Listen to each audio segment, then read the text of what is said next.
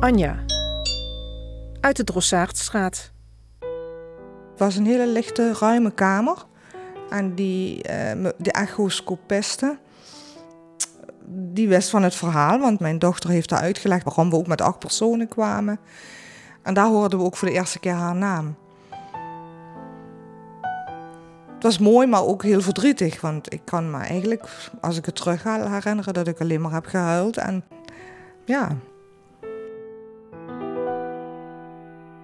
Wij hebben geprobeerd onze eigen angsten en van wat gaat de toekomst brengen niet uit te spreken.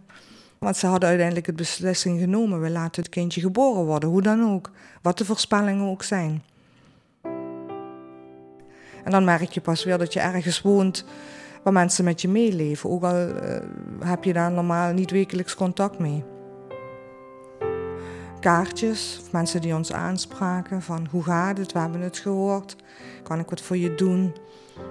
Dat is dan wel heel mooi. Drie maanden nadat Bliss geboren is, mocht ik haar voor de eerste keer aanraken. Ja, ze haalde een zwemdiploma nu. En dat is bij iedere ouder leuk als je kind het zwemdiploma haalt. Maar het blijft uh, dat je denkt, wat een wonder. 爱我吗？